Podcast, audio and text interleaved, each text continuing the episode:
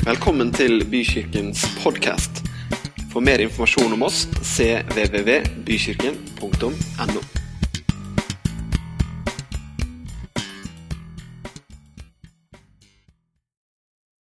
Ja, vi takker deg, Herre, for at du er her.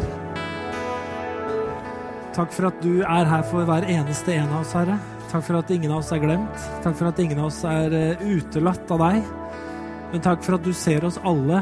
Du bryr deg om oss alle. Du elsker oss alle, Herre. Takk for at du har velsigna ditt ord, Herre. Og la det tale til oss i formiddag.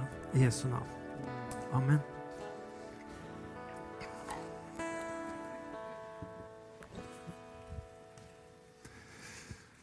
God formiddag.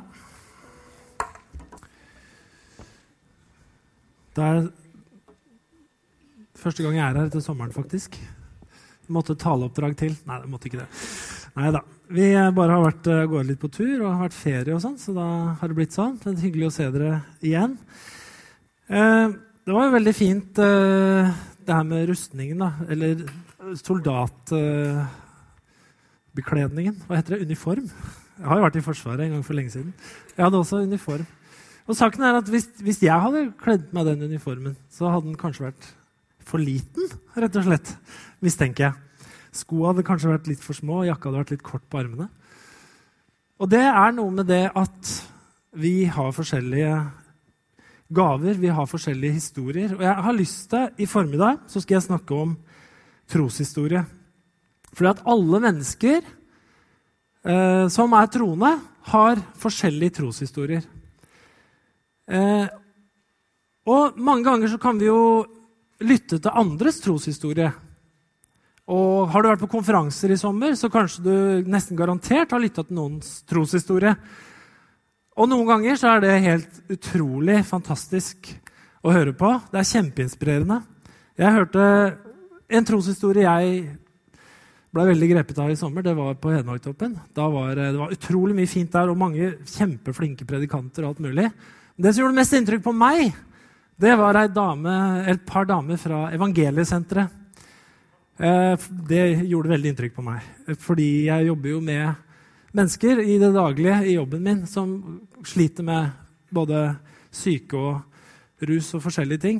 Og det å høre hennes historie da, Jeg skjønte bare liksom akkurat hvor hun kom fra.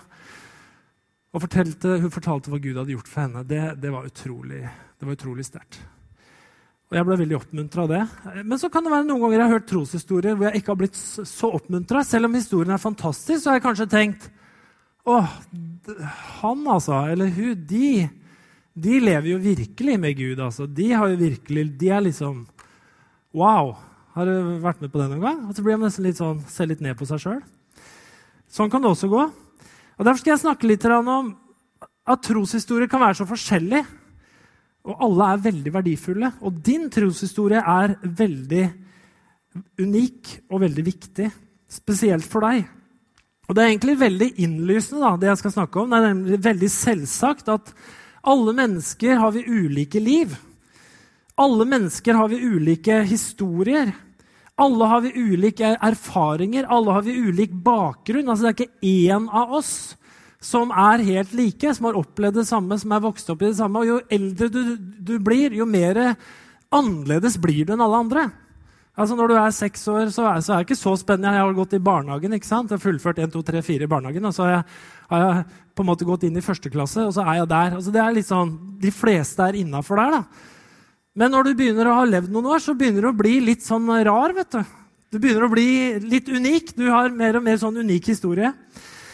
Og det er viktig å snakke litt om. Jeg skal prøve å si litt, og oppmuntre deg litt på din troshistorie. At den er viktig, og at den er bra nok for deg. Samtidig vil jeg prøve å si litt om at det kan være farlig å prøve litt farlig i hvert fall, å prøve å, å kopiere andres troshistorie.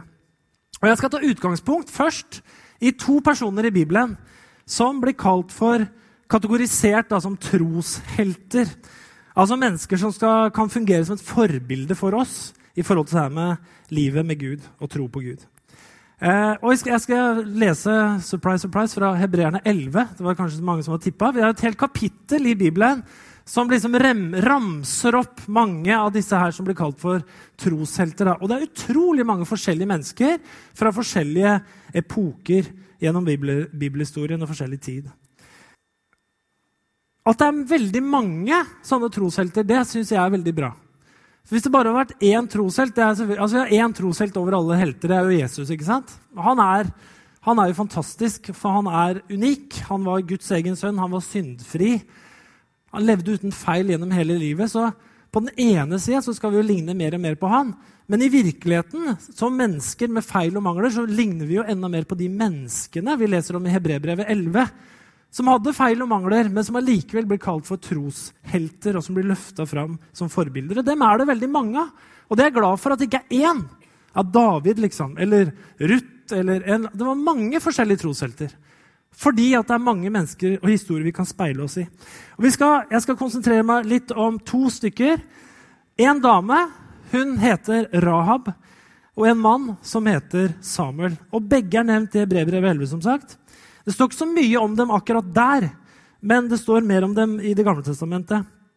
Og det står hvor de er nevnt, da, bare for å få litt sammenheng, i Brevbrevet 11, vers 30-40 så står det litt eh, om dette her med troshelter. Ved tro falt Jerikos murer da folket hadde gått omkring dem i sju dager.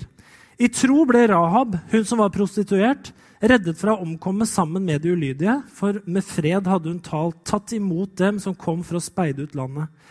Og hva skal jeg ellers nevne? Tiden strekker ikke til hvis jeg skal fortelle om Gideon, Barak, Samson, Jefta og David, Samuel og profetene. Ved tro vant de over kongeriker, holdt retten oppe, fikk løfter oppfylt, lukket gapet på løver, slukket voldsom ild, slapp unna bitende sverd, gikk fra svakhet til styrke, ble sterke i krig og slo fiendtlige hærer på flukt. Kvinner fikk eh, sine døde tilbake. De hadde stått opp. Noen ble torturert og avslo å bli kjøpt fri, for de ville heller nå fram til en bedre oppstandelse. Andre måtte tåle spott og piskeslag, ja, til og med lenker og fengsler. Noen ble steinet. Noen ble drept med sverd, andre måtte gå omkring i saueskinn og geiteskinn, nødlidende, forfulgt og mishandlet. Verden var dem ikke verdig, og de måtte flakke omkring i øde trakter og på fjell og holde til i grotter og huler. Alle disse fikk godt vitnesbyrd for sin tro, men de oppnådde ikke det å få det som var lovet, for Gud så for seg noe som var bedre for oss, at de skulle nå fram til funnet, så det ikke skulle nå fram til fullendelsen uten oss. Dette var bare noen få navn, og det kapittelet er fullt av mange flere. Men la oss ta denne første dama her, Rahab, som konsekvent i Bibelen blir omtalt som den prostituerte Rahab, eller skjøgen Rahab, som det sto i den gamle eh, oversettelsen. Eh, det er med andre ord veldig tydelig hva slags kvinne det her er. Det er veldig tydelig hva hun livnærer seg av. Hun er prostituert. Hun selger seksuelle tjenester for penger. Det er det som er hennes levebrød. Enkelt og greit. Eh, hennes livsstil er altså ikke noe dydsmønster. Hun befinner seg liksom på helt andre enden av skalaen av en jomfru Maria. for å si det sånn. Og nå er det kanskje ulike typer prostituerte. Det er de i dag. Det er de som er på gata, og så er det de som er mer sånn luksus, har egen leilighet osv. Og, så og Rahab det vet vi ikke helt. Eh, men de som har forska på henne, de mener at hun kanskje var, utøvde prostitusjon innenfor den filist, religiøse filisterkulten, og at hun kanskje hadde litt høyere status som sådan. Hun hadde eget hus, eller leilighet, og det var rett ved bymuren, for at hun kunne eh, se ut. Hun hadde vindu ut liksom, fra bymuren. Så hun hadde et eget sted å bo. Så hun var ikke ei som bodde på gata. Hun hadde det greit sånn økonomisk siden hun hadde et eget sted å bo. Og Vi vet ikke om hun liksom var en av disse her eh, som prostituerte i den filisterkulten, eller om hun var en sånn på gata. Det vet vi ikke. Men det er sånn hun er omtalt hele veien. Uansett hvilken type prostituert hun var, så var hun langt nede på rangstigen i samfunnet. Sånn har det vært, og sånn er det. De som er prostituert, de har aldri drømt om å bli det. Det er ingen små jenter som drømmer om å bli prostituerte når de blir voksne. De har helt andre drømmer. Og av en eller annen årsak så havner man der pga. vanskeligheter i livet. At man bare føler man må gjøre det her for å få livet til å henge sammen. Og I Rahabs historie så må det jo ha vært noe. Hun må jo ha drømt om noe annet når hun var jente. Hun må jo ha drømt om et annet liv enn det hun faktisk fikk. Men hun endte eller her hvor vi møter henne i historien, så er hun prostituert og lever på den måten der. I forhold til bakgrunnen sin så var jo ikke hun av Israels folk, hun var filister. Det betyr at Rahab hun har vokst opp blant et folk som et, fremstår som et fiendefolk til Israel. Eh, hun har vokst opp i en annen kultur, hun har oppvokst i en annen religion. Så Rahab hun har egentlig sannsynligvis ingen kunnskap om Moses, om eh, Abraham, Isak og Jakob, om lover, om ofring, om templer, om gudstjeneste. Alt det her det kan hun sannsynligvis ingenting om. Hun har ikke det med i bagasjen sin i det hele tatt. Sånn at hun er ganske blank da, i forhold til det her med Gud og Israels Gud å gjøre. Men det som etter hvert gjør at Rahab tror på Israels Gud, det er de gjerningene, de hendelsene som skjer i hennes egen levetid og litt forut for det. Hun hører, har gått rykter om, hva som har skjedd med Israel etter at de har flykta fra Egypt. Hæren til farao har blitt drukna i sjøen. Det har skjedd mirakler på mirakler. Og når vi kommer inn i historien, så er det det som på en måte har fanga Rahabs oppmerksomhet. Og vi vet at Gud lovte det landet som filisterne bodde i, det lovte Gud at Israel skulle få. Og Jeriko det var inngangsporten til det landet. Det var den første byen de måtte felle for å komme inn i landet. Og Vi hopper inn i Josvas bok, kapittel 2. Jeg skal faktisk lese hele kapittelet, det er ikke veldig langt, for å få historien klar for oss. Josva Nuns sønn sendte i hemmelighet to spioner fra Shittim. Han sa, 'Gå og se nærmere på landet og Jeriko.' De gikk da av sted, tok inn i huset til en prostituert kvinne som het Rahab. Der fikk de overnatte. Kongen i Eriko fikk melding om at det var kommet noen israelitter om natten for å utforske landet. Da sendte han bud til Rahab og sa, 'Før de mennene som er kommet til deg og tatt inn i huset ditt, ut, for de er kommet for å utforske hele landet.' Kvinnen skjulte de to mennene og svarte, 'Ja, men uh, mennene kom til meg. Jeg visste ikke hvor de kom fra.' Og ved mørkets frembrudd, da byporten skulle stenges, så gikk de ut. Og jeg vet ikke hvor de gikk.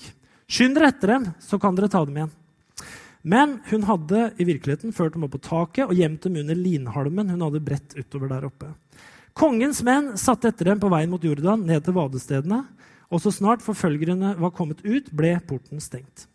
Før de hadde lagt seg til å sove, kom Rahab opp på taket og sa til dem.: Jeg vet at Herren har gitt dere dette landet, og at frykten for dere har falt over oss. Alle som bor i landet, skjelver for dere. For vi har hørt hvordan Herren tørket ut vannet i Sivsjøen foran dere da dere dro ut fra Egypt, og hva dere gjorde med de to amorittkongene på den andre sida av Jordan, Shihon og Og, og dere, som dere slo med bann og utslettet. Da vi hørte det, smeltet hjertene våre bort, og vi mistet motet pga. dere. For Herren, deres Gud, er Gud både i himmelen der oppe og på jorden her nede. Sverg nå ved Herren at dere vil vise godhet mot min familie, siden jeg har gjort godt mot dere. Gi meg et troskapstegn på at dere vil la min far, min mor, mine brødre og søstre og alle i deres hus få leve og berge livet fra døden. Da svarte mennene. Med vårt eget liv skal vi stå inne for deres liv, så sant du ikke røper planene våre. Når Herren gir oss landet, skal vi vise godhet og troskap mot deg. Så firte hun dem ned fra vinduet med et eh, reip, for huset hennes gikk i ett med bymuren hvor hun bodde. Hun sa til dem, dra opp i fjellet så dere ikke møter forfølgerne deres. Hold dere skjult der i tre dager til forfølgerne har vendt tilbake. Etterpå, dere, etterpå skal dere gå, eh, er det dit dere skal gå. Mennene sa til henne, på ett vilkår er vi forpliktet av den eden du lot oss sverge. Når vi går inn i landet, skal du binde denne røde snoren i vinduet som du firte oss ned fra. Og så skal du samle din far, din mor, dine brødre og hele familien her i huset hos deg. Og hvis noen går ut av den døren i ditt hus, skal blodet, komme fra, blodet hans komme over hans egen hode, og vi er skyldfri. Men blir det lagt hånd på noen av de som er med deg i huset, skal blodet komme over vårt hode. Og røper du planene våre, så er vi løst fra eden du lot sverge. Hun svarte, det skal bli som dere sier. Så lot hun dem gå, og de dro av sted, og, og hun bandt den røde snoren i vinduet. Mennene gikk til de kom opp i fjellet. Der ble de i tre dager, til forfølgerne var kommet tilbake. De hadde lett hele veien uten å finne dem. Så ga de to mennene seg på hjemveien. De gikk ned fra fjellet, krysset elven og kom til Josva, Nuns sønn. De fortalte om alt som hadde skjedd, og sa til Josva.: Herren har gitt oss hele landet i våre hender, og alle som bor i landet, skjelver for oss. Ikke ofte vi leser så langt i Bibelen. Det går bra, det. Hva er, hva hva er det med Rahab som gjør at hun får en sånn enorm anerkjennelse på sin tro? Hva er det egentlig? Det, det hun selv refererer til, det er at hun har, hun har hørt om hva Gud har gjort for Israel. Hun har hørt om hva som har skjedd ved utgangen fra Egypt. Hun har hørt hva som har skjedd med andre konger. Hun har hørt at de er ustoppelige fordi Gud, dems Gud er med dem. Og hun har ikke noe forhold til Israels Gud i utgangspunktet, men hun skjønner, hun skjønner at nå, når disse har kommet hit Disse har å gjøre med den sanne Gud. Hun velger å tro på Israels Gud. Og hun sier det sjøl, at Herren deres Gud, han er den sanne Gud, oppe i himmelen og nede på jorden. Har vi ikke en sang som går sånn omtrent? Uansett, hun anerkjenner det Gud har gjort. Hun har ingen teologisk bakgrunn, har ingen oppvekst i det her, men hun gjør det. Og når hun gjør det, så handler hun på det. Faktum er at Rahab hun, hun blir jo erklært egentlig litt som troshelt her, fordi at hun, hun ljuger jo, rett og slett. Hun gjør faktisk det. Er de mennene i huset ditt? Som en god kristen må jeg svare ja. Nei, hun gjorde ikke det. Så, nei, nei, nei. De, de, har gått ut av porten, og de har stikket, og de er ikke her. Jeg skjønner ingenting, vet ikke hva dere snakker om. Men hun hadde jo gjemt dem på taket. Og det fikk hun veldig cred for, altså. Så det er jo det som skjer. Og midt i livet til Rahab, midt i hverdagen med et yrke som ikke akkurat taler om hellighet og gudsfrykt, så kommer Gud til henne gjennom disse speiderne. Det er som om Gud banker på døra hennes og sier, 'Hvordan stiller du deg nå?' Og hun stiller seg på Guds side. Hun stiller seg ved Guds agenda. Og jeg tror Gud dukker veldig overraskende opp i Rahabs liv. Jeg tror ikke det var noen ting som kunne forberede henne på det her. Og jeg vet heller ikke hvorfor de valgte hennes hus. Kanskje de tenkte Kanskje de visste at hun var prostituert. Kanskje de valgte hennes hus for de tenkte at ingen vil vel tro på en prostituert. Hun er ikke høyt oppe. Ingen, hun vil jo ikke sladre. Jeg vet ikke, men de kommer til hennes hus. Og uten Rahab så er det faktisk sånn at Israel kanskje aldri hadde kunnet inntatt denne første viktige byen og så fått hele landet etterpå. Det var Rahab som var nøkkelen til at det her kunne skje. Dette var bare historien til Rahab i starten. Hva skjer med Rahab etterpå? Jo, når, når Israel vel kommer inn og muren raser, så blir det stående. Hennes hus blir stående. Det blir faktisk stående. Det blir ikke ødelagt. Hennes familie blir skåna, i hvert fall i starten, det meste av den. Og hun lever videre. Rahab etterpå får en litt sånn viktig stilling. Hun får en mann. Hun får barn. Hun får en sønn som heter Boas, som etter hvert ble mannen til Ruth, som som er i Ruths bok, som fikk Obed, som igjen fikk en sønn som het Isai, som igjen var faren til David.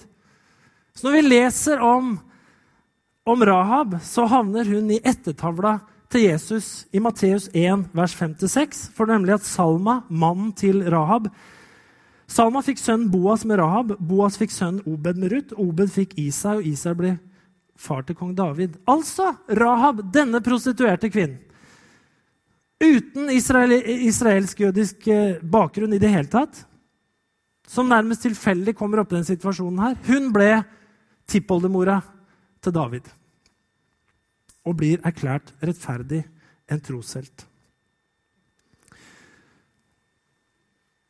Modig var hun. Det skal hun ha. Det var litt om Rahab. Så skal vi snakke litt om en annen som står nevnt blant trosheltene, og det er Samuel. Og det er en annen historie, faktisk en helt utrolig annen historie enn historien om Rahab. Samuel han, han er et Guds mirakel fra dag én når han blir unnfanga. Han er et bønnesvar. Han er et mirakel. Og Historien om Samuel starter egentlig ikke med Samuel, men starter med mammaen hans, Hanna. Hanna var gift med en som het Elkana. Han hadde to koner. En som het ei som het Penina, og så hadde han Hanna. De to konene hadde Elkana. Penina hun ble gravid støtt og stadig. Hanna, der skjedde det ingenting. Hun fikk ikke barn. Og det var en stor plage for henne. Og hun ble mobba av Penina. Det står i Bibelen står i 1. Samuel 1,6 at medhustruen Penina var imot henne, terget henne og, og, og ville stadig gjøre henne motløs fordi hun ikke hadde barn. Slik gikk det år etter år. Hver gang Hanna dro opp til Herrens hus, altså opp til tempelet, for å be, terget Penina henne. Og Hanna gråt, og hun ville ikke spise. Men Elkana, mannen hennes, sa til henne, 'Hvorfor gråter du, Hanna? Hvorfor spiser du ikke?' 'Hvorfor er ditt hjerte så full av sorg?' Er ikke, er ikke jeg mer for deg enn ti sønner?' Altså, er det ikke nok at du har meg? Jeg elsker deg jo. Men i Hanna så var det en enorm sorg over at hun ikke hadde fått barn. Og når du hadde en annen kone som i tillegg gjorde alt hun kunne for å trykke henne så hadde hun hadde det vondt hun hadde det vanskelig. Og i sin desperate situasjon så ber Hanna til Gud. Hun går til tempelet, og hun ber, hun ber. Og Eli, som er prest i tempelet, han ser at hun ber. Hun står så lenge og hun ber så stille og hun er så motløs og er så tung at Eli tror at hun er full. Tror at hun er berusa og sier kan ikke du bare komme deg hjem? Gå hjem og få av deg rusen før du kommer tilbake hit. Og står her og mumler. Ja, men jeg gjør ikke det. Jeg er bare så motløs, sier Hanna. Og Hun ber den bønnen her, og hun gir Gud et helt spesielt løfte dersom hun blir gravid. Hun ber til Gud, så står det i 1. Samuel 11, 1-18. Hun ga et løfte og sa, 'Herre over hærskarene, se til din tjenestekvinne i hennes nød.' Husk på meg, og glem ikke din tjenestekvinne, men la meg få en sønn. Så vil jeg gi ham til Herren for hele hans levetid, og det skal aldri komme rakekniv på hodet hans. Slik ba Hanna lenge for Herrens ansikt. Og Eli som fulgte med henne, så bare leppene rørte seg, og han trodde hun var full. Men Hanna gir et løfte til Gud at om jeg får en sønn, om jeg får dette barnet, så jeg, gir jeg deg dette løftet at jeg skal gi ham til deg, så han skal tjene deg i all sin levetid. Og det, han skal ikke klippe håret. Og det var en sånn gammel innvielses, ikke sant? At du var eh, eh, nasarer. Som, som Samson. ikke sant? Du, du inn, et tegn på innvielse for Gud. Du raka, raka aldri håret ditt. ikke sant? Paulus også hadde nasarerløfte innimellom en periode hvor han hadde skikkelig langt hår. tydeligvis. Eh, så, så, for noen av oss så går ikke an å inngå sånne løfter. Men altså, hvis du ser Bent Ove med langt hår, så skjønner du at noe er, er på gang. Na, nasarerperiode. Eh, men greia er at mirakler skjer, da. Hanna, Hanna blir, hun blir gravid. Og gutten er et mirakel. Gutten er et svar på bønn. Og ikke bare det, allerede før han er født, så har moren bestemt, sammen med pappa, han var enig, at denne gutten han skal være i Herrens tjeneste helt fra han er liten. Og akkurat det skjer. Han blir født, han dier en periode, selvfølgelig. Og så kommer han seg, og fra han er bare et lite barn, så tar Hanna med seg Samuel til Eli, presten, i øverstepresten i tempelet og sier, 'Her er gutten min. Jeg har lovet Herren at han skal tjene. Han er innvia til Gud fra han er liten.' Og Sånn blir han tatt imot i tempelet. Det er ikke det at de kutter kontakten, de er stadig der. Men Samuel er i tempelet for han er all, bare en liten gutt. Og han tjener med alt mulig måtte være der, av praktiske ting. Alt som skjedde der. Masse aktivitet der, selvfølgelig. Men der er han. Og Det står i 1. Samuel 2, 18-20, men Samuel gjorde tjeneste for Herren, Herrens ansikt.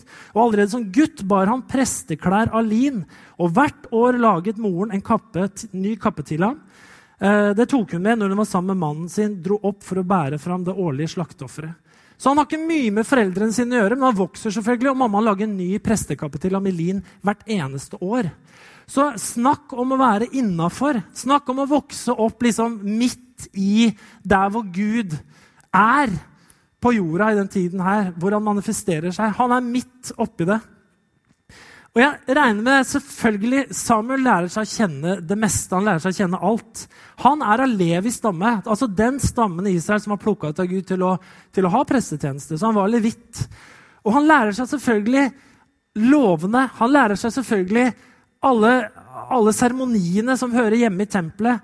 Han lærer seg selvfølgelig hele historien om Israel. Abraham, Isak, Jakob, løftene, paktene. Alt sammen. Han kan det, han har det inne. Og han lever så midt oppi det at når vi leser hvor han sover om natta I, andre, i første Samuel, Samuels bok tre så står det så var det en gang Eli lå og sov på den faste plassen sin. Øynene hans var så, Eli, altså presten der, var så svake at han ikke kunne se, og Guds lampe var ennå ikke sluknet. Og Samuel lå i Herrens tempel, der hvor Guds paktkiste sto. Det var liksom der han sov. Ved paktsarken. Da er det liksom Mer sentralt kommer du ikke, da, kan du si. Da må du eventuelt gå oppi. Men det skulle man ikke gjøre, så det gjorde den ikke. Men det er noe annet da enn Rahab. Hun sov ikke ved paktkisten, for å si det sånn. Hun sov sikkert mange forskjellige steder ut fra det yrket hun hadde. Så forskjellen på de to her er jo bare helt utrolig. Samuel han blir en utrolig viktig skikkelse i Israels historie. For det kommer til et punkt hvor Gud kaller han den natta her, hvor han ligger og sover ved Guds paktkiste, så står det at Herren roper på Samuel. Og han svarte, 'Her er jeg.' Og løp inn til Eli og sa, 'Her er jeg, du ropte på meg.' Og det her skjer jo tre ganger. Samuel hører navnet sitt bli ropt. Han tenker det er Eli. Går inn til Eli, sier, 'Her er jeg, du ropte på meg.' Nei, det er ikke meg. Og etter tre ganger så sier Eli, det er, nok, eh, det er nok ikke meg. Det er nok Gud som kaller på det. Så Samuel han, hadde, han kjente til alt. Han visste om alt som hadde med Israel og ofringer, seremonier, historien, alt sammen. Han kjente til alt, men han kjente ikke Guds stemme. Men den dagen så lærte han å kjenne Guds stemme. Og etter det så blir han som sagt en veldig viktig skikkelse i Israels historie. Enormt viktig. Han blir, han blir dommer, altså en som styrer Israel. Dette var før de fikk konge. Men Samuel er dommer, så ønsker folket seg konge. Og de får konge for første gang, Saul. Det er Samuel som salver Saul til Israels første konge. Etter hvert så forkaster Gud Saul. Han gjør litt forskjellige ting. Og da kommer en ny konge, og det er David. Og da er det igjen Samuel som salver David til å bli konge i Israel. Så Samuel hadde en enormt viktig posisjon i Israels historie og lever som leder egentlig hele livet sitt, og som profet. Dette er jo to personer som ble omtalt som troshelter i Bibelen. Begge to. Og de er så forskjellige. Så hvorfor deler jeg det her? Jo, fordi det er, det er et poeng, da og fortelle, si noe om hvor forskjellige våre troshistorier kan være. Det kan være så helt utrolig. Rahab kommer utenfra med et levebrød som har veldig lite med Guds tempel å gjøre. Samuel han vokser opp i det mest sentrale av det sentrale. Skal vi kalle det en broiler? I det som har med Guds nærvær å gjøre. Rahab har ingen israelsk religiøs bakgrunn. Hun har ingen personlige erfaringer med Gud. Hun responderer på historien, på historiene som skjer, ryktene om hva Gud har gjort for Israel på flukten fra Egypt. Samuel han vet alt. Han kan alt. Han er oppfostra i alt sammen. Han er et mirakel fra han blir født. Og han har mottatt et spesielt personlig kall ifra Gud. De er egentlig så forskjellige, de to menneskene her, som det går an å bli. De kommer fra to helt forskjellige planeter. Og allikevel kalles begge troshelter forbilder som vi kan se på for å lære. Og verden er full av mennesker med ulike troshistorier. Jeg er vokst opp her i Tønsberg. I'm a local guy. Jeg vokste vokst opp i en fin familie, og jeg vokste vokst opp i en pinsemenighet. Og Jeg lærte jo veldig tidlig hva det var å være en pinsevenn. Det er ikke alle dere som har lært det så tidlig som jeg lærte det. En pinsevenn var en som gikk i en pinsemenighet uh, hver, hver søndag. Og Som barn så var man gjerne på leir. Uh, og så var man på leir videre også opp i tenåra. Da møtte man gjerne Gud skikkelig og døpte seg. Og kronen på verket det var at man da også samtidig ble åndsdøpt rundt den tida der. Og enda var jo at man da kunne tale i tunger og tyde. Og da hadde man på en måte den typiske pinsevenntroshistorien. Er det noen som kjenner seg igjen i en sånn historie? Og det er ikke noe gærent med den historien. Jeg er veldig glad for den historien, som er min historie. Men samtidig så er det jo utrolig mange som ikke har vokst opp med den historien. Veldig mange har jo møtt Gud andre steder. Kom fra en helt annen bakgrunn, kom med helt andre erfaringer. Har kanskje ikke hatt mamma og pappa. Mine foreldre var pinsevenner, mine besteforeldre var pinsevenner, mine oldeforeldre var ikke det. Men i hvert fall så var jeg tredje generasjon. Så det er klart at jeg var litt sånn ikke helt som Samuel, men i hvert fall, jeg vokste opp i det. da, ikke sant? Vokste opp med det her rundt meg. Det var vanlig med bibler i hjemma i, i, familien hvor jeg vokste opp. Det var vanlig Det var vanlig at folk gikk på møter. Det var til og med vanlig at folk talte i tunger. Og det vet jeg i hvert fall at ikke er helt vanlig i alle familier. Men for oss så var det vanlig. Det var noe av det jeg vokste opp i. Men folk kommer fra forskjellige steder. Folk kommer med forskjellige erfaringer. Og du sitter sikkert her som har en helt annen bakgrunn enn det jeg har. Som har en helt annen troshistorie enn det jeg har. Og Noen ganger så blir man påminnet på det, hvor stor Gud er. da. Og hvordan Gud møter mennesker uansett hvor vi kommer ifra. Jeg ble påminnet om det når jeg var i tre-fire år siden. Så var jeg i Nairobi i Kenya. Da bodde jeg på et nonnekloster. Det er litt kult, da. Ikke alle som har gjort. Men eh, det var nonner som drev det, og så hadde de noe utleiende rom. Og jeg var nede og spiste frokost med dem hver dag. Eh, I hvert fall frokost spiste jeg. Og de var jo de var så engasjerte. Hver eneste dag så sto de opp og hadde morgenbønn oppe i, eh, i, i, i, liksom ja, møtesalen sin. Og hver morgen så spiste de frokost sammen, og hver dag så reiste de ut for å tjene folk med alle mulige behov rundt om i byen. Det var livet deres. Og Jeg husker jeg tenkte på de nonnene jeg snakka med. liksom, Hvorfor havna du her? Og da var det jo jeg snakka ikke med alle, men på et eller annet punkt i livet så har det vært en dag, en kort periode, en dag hvor de har bestemt seg for jeg skal innvie livet mitt til Gud. Jeg skal ofre det å ha familie, jeg skal ofre det å gjøre karriere på egne vegne.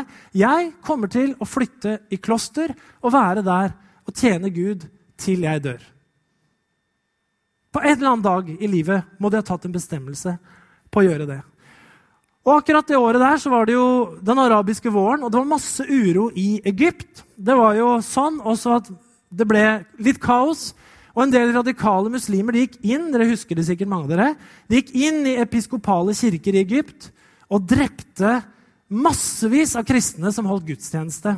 Det var, det var i hvert fall to eller tre store massakre i kirker hvor de holdt gudstjeneste. Akkurat som vi gjør nå, så løp det menn inn og skøyt ned.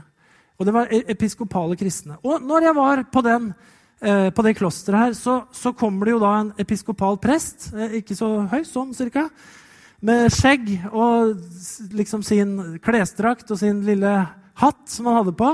Og jeg lurte på hvem han var, og han var episkopal prest fra Egypt. Og han hadde med seg en ungdomsgruppe, og de var rett og slett på camp, altså på, på leir, der på det klosteret, hvor de skulle være en uke sammen. Og jeg tenkte bare Uh, han der, altså. De folka der. De bor i Egypt. Jeg vet hva som har skjedd der. De lever med en pris på sitt hode akkurat nå. Og denne ungdomsgruppa Det var ikke noe easy go, altså. Og jeg kjente bare Det er en annen troshistorie, men det er samme Gud. Og sånn er det. Det fins så mange historier som vi bærer med oss. No, og noen ganger tenker vi passer jeg inn? Passer min troshistorie inn? Selvfølgelig gjør du det. Selvfølgelig passer du inn i Guds rike. Selvfølgelig passer du inn sammen med andre kristne. Selvfølgelig passer din troshistorie inn i den store historien om Guds rike. Det er helt naturlig at kirker og kirkesamfunn har forskjellige kjennetegn. Men Troshistoriene våre vil alltid være veldig veldig forskjellige. Det er plass til Rahab, og det er plass til Samuel. Det er plass til deg som er født utenfor all religiøst virksomhet, mens på et eller annet punkt i livet så grep du fatt i Gud. Og det er plass til deg som vokste opp midt i tempelet, som kanskje lærte alt fra du var veldig liten, som fikk kunnskap om veldig mye fra du var barn, og som på et eller annet punkt fikk et personlig forhold med Gud og følger etter ham. Det er én ting, selv om de er veldig forskjellige, så er det én ting som er likt for alle troshelter. Som blir nevnt i Bibelen, og også her i livet. Det er at på et eller annet tidspunkt i livet, i en eller annen tid, en annen, på en eller annen dag, i en eller annen periode, så var det sånn at Gud kom til disse menneskene. Og de fikk mulighet til å respondere. Gud kommer til Rahab gjennom speiderne. Rett og slett, Sånn tolker jeg det. Gud kommer og banker på Rahabs dør og sier egentlig, 'Hvordan stiller du deg til dette?' Og hun måtte jo velge. Hun visste at hun løp en risiko, men hun er så sikker på at akkurat det jeg opplever i dag, det her, det er Gud. Og hun valgte å tro på det. Hun valgte å ta risken, og hun ble en troende. Det var en helt spesiell dag for henne.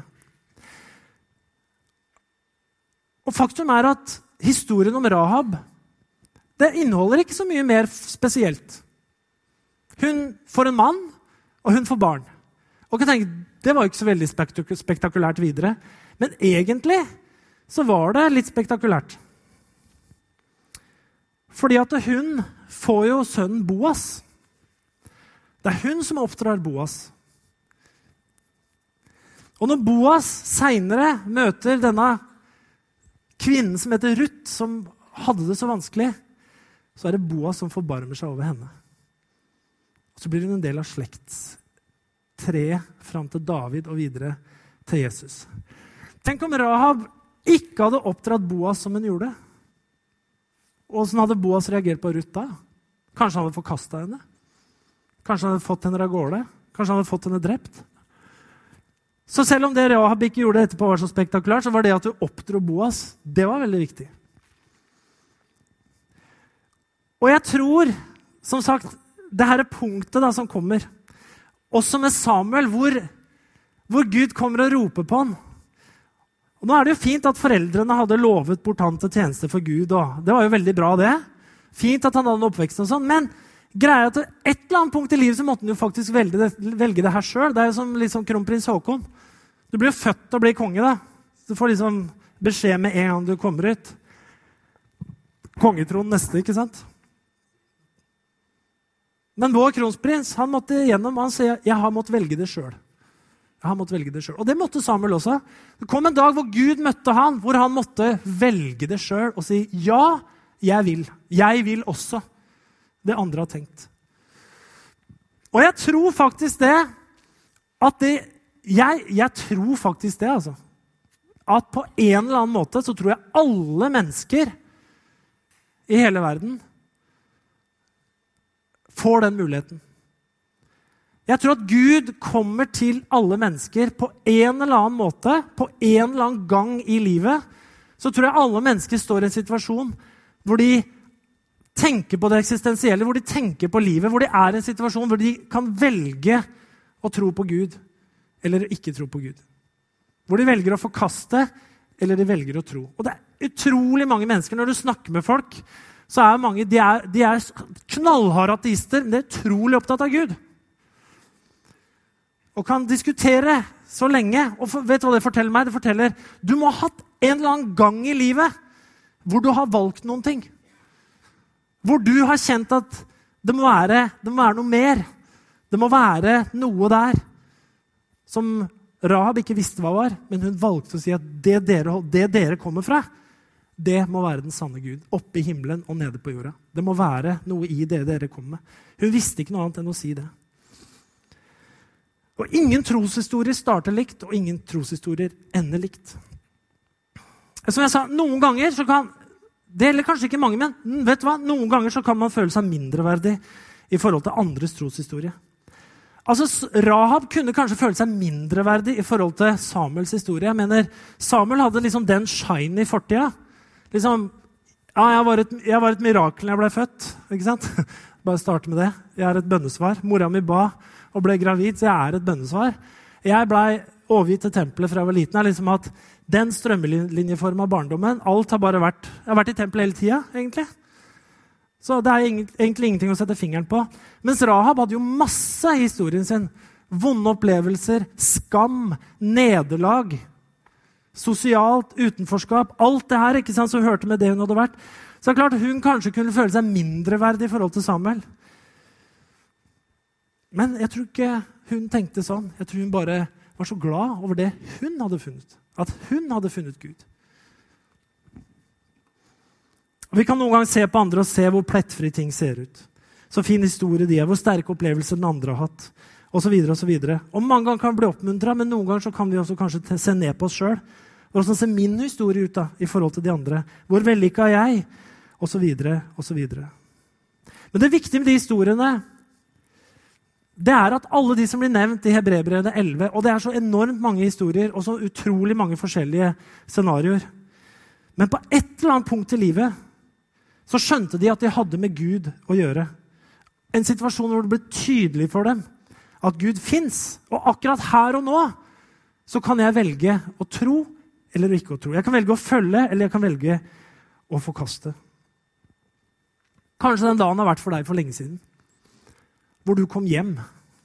Sånn som Rahab fikk denne dagen, denne, denne, denne, korte perioden hvor hun gjorde akkurat det hun gjorde. Hun valgte Gud, og så levde hun livet etterpå med det.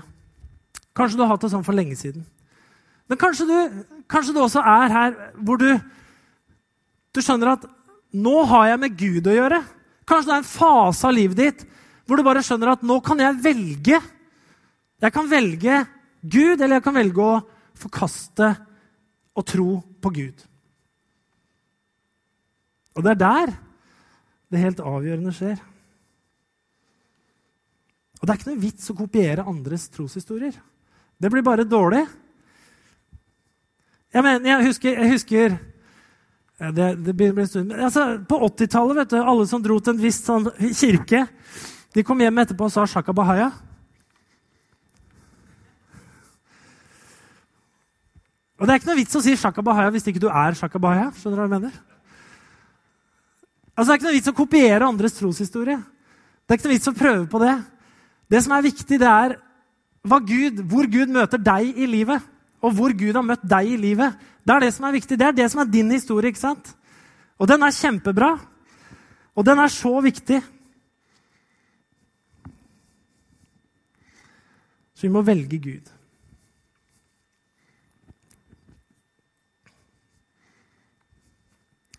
Og det er Det er rart med det her Guds rike. Det snakker jo mye om enhet. Og det som er fantastisk, er at alle disse menneskene som vi leser her, de hadde én ting felles, og det var troen. Og de hadde sin personlige erfaring med Gud. Men det, hva som skjedde, det var utrolig ulikt og forskjellig. Så Gud vil at vi skal velge ham. Gud vil at vi skal velge livet og bli velsigna. Og Gud vil at du skal være takknemlig for der du er akkurat nå. Med din historie med Gud. Det er så mye som kunne vært annerledes, men det er det ikke. Men det viktige er at du tror. Det er det viktige. Det er det viktige. Og noen ganger så kanskje vi har lyst til å overleve, eh, ikke overlevere, men å tre vår egen troshistorie nedover andre. Skjønner du hva jeg mener? Jeg, vil, jeg har opplevd noe som er så bra. Eh, så jeg vil veldig gjerne at du skal oppleve akkurat det samme på akkurat samme måte.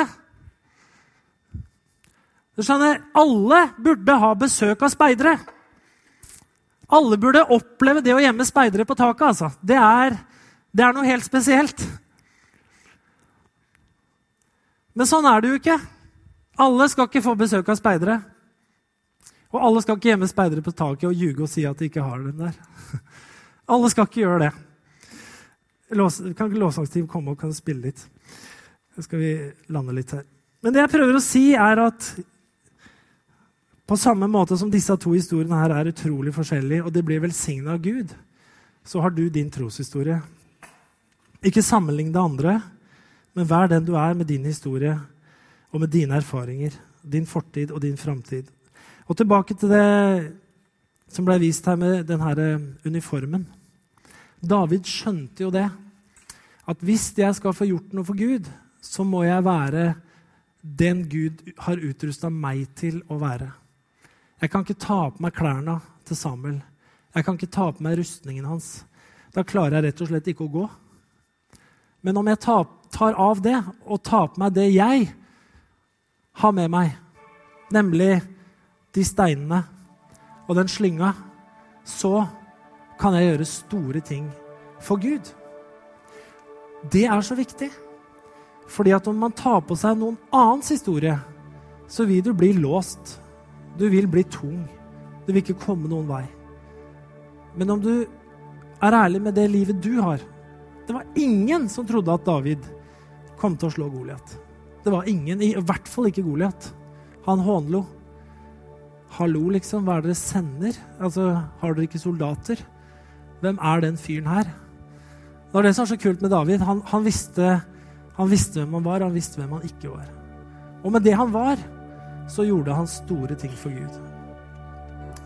Og jeg tror faktisk ikke David ble utbrent, altså. Jeg tror han hadde blitt utbrent hvis han hadde gått veldig lenge i den der uniformen til Samuel.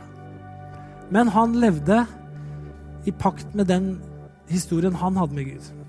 Så blei det veldig bra. Skal vi ta og reise oss? Vi takker deg, himmelske Far, for du ser hver eneste en av oss. Vi takker deg, himmelske Far, for at du har møtt oss alle på forskjellige måter, Herre, gjennom livet, gjennom vår historie. Noen vi har vokst opp som Samuel. Vi har hørt om deg siden vi var små. Vi har kjent Skriftene. Vi har kjent hvordan ting fungerer. Vi har visst så mye om deg. Andre, Herre, har ikke hørt om deg. Og mange av de som vokser opp i dag, hører ikke mye om deg. De hører ikke om deg på skolen, de hører ikke om deg i familien, de hører ikke om deg noe sted. Men Herre, takk for at de kan være som Rahab. Takk for at du kan komme til hvem som helst og møte hvem som helst. Og hvem som helst kan også velge deg, Herre. I Jesu navn. Og så takker jeg deg, Herre, for at på hver sin måte så er både Samuel og Rahab like verdifulle for deg. Selv om de har forskjellig historie, selv om de hadde forskjellig start i livet, Herre, så er de akkurat like verdifulle for deg. Og takk for akkurat det de gjorde, var med å påvirke historien fram til at du, Jesus, skulle bli født. Takker deg for det, Herre. Og hjelp oss, Herre, å se oss selv i møte med deg. Og se ditt lys i våre liv, Herre. Og se at du har vært i våre liv og møtt oss på helt ulike steder, på helt ulike måter. Og takk, Herre, at vi også kan gjøre ulike ting for deg. Tjene deg på ulike måter, ut fra de gaver som du har gitt oss. Og jeg ber spesielt, Herre, om det er noen her i formiddag som har sett ned på sin egen historie, som ikke verdsetter det trosliv de har, Herre, som ikke syns det er noe å holde fram, men som sammenligner seg med andre og tenker at 'jeg er ikke mye å satse på'. Takk, Herre, at du satsa på hver eneste en av oss. Takk, Herre, at du tar hvem som helst for å gjøre hva som helst. Og hjelp oss, Herre, å leve i oppriktighet og ærlighet med deg og våre omgivelser. Det ber vi om i Jesu navn. Og så vil jeg også be en bønn om du er her i formiddag. Kanskje du er i en sånn periode, en tid, en dag i dag i livet ditt hvor du kjenner jeg har muligheten til å velge Gud, og jeg har aldri egentlig gjort det på skikkelig vis. Gud, han er der for deg. Det spiller ingen rolle hvilken bakgrunn du har. Det spiller ingen rolle hvor du kommer ifra. Men Gud, han er der for deg. Og hvis du er akkurat der i dag i livet hvor du har lyst til å si nå må jeg velge. Nå må jeg velge å tro. Nå må jeg velge å følge etter Gud så har jeg lyst til å be en bønn for deg. Hvis alle lukker øynene sine, så kan du få lov å rekke opp hånda, og så skal vi be en bønn sammen med deg. Hvis du kjenner at jeg er der hvor jeg må ta et Jeg velger nå å følge etter. Amen. Da takker vi deg, Herre, for at vi kan gå videre med deg. Der hvor vi er, Herre, hjelp oss å finne rytmen. Hjelp oss å følge deg. Hjelp oss å leve i pakt med det du har gitt oss, Herre. Leve i pakt med de gavene du har gitt oss. Leve i pakt med din vilje. I Jesu mektige navn. Velsigne oss alle. Amen.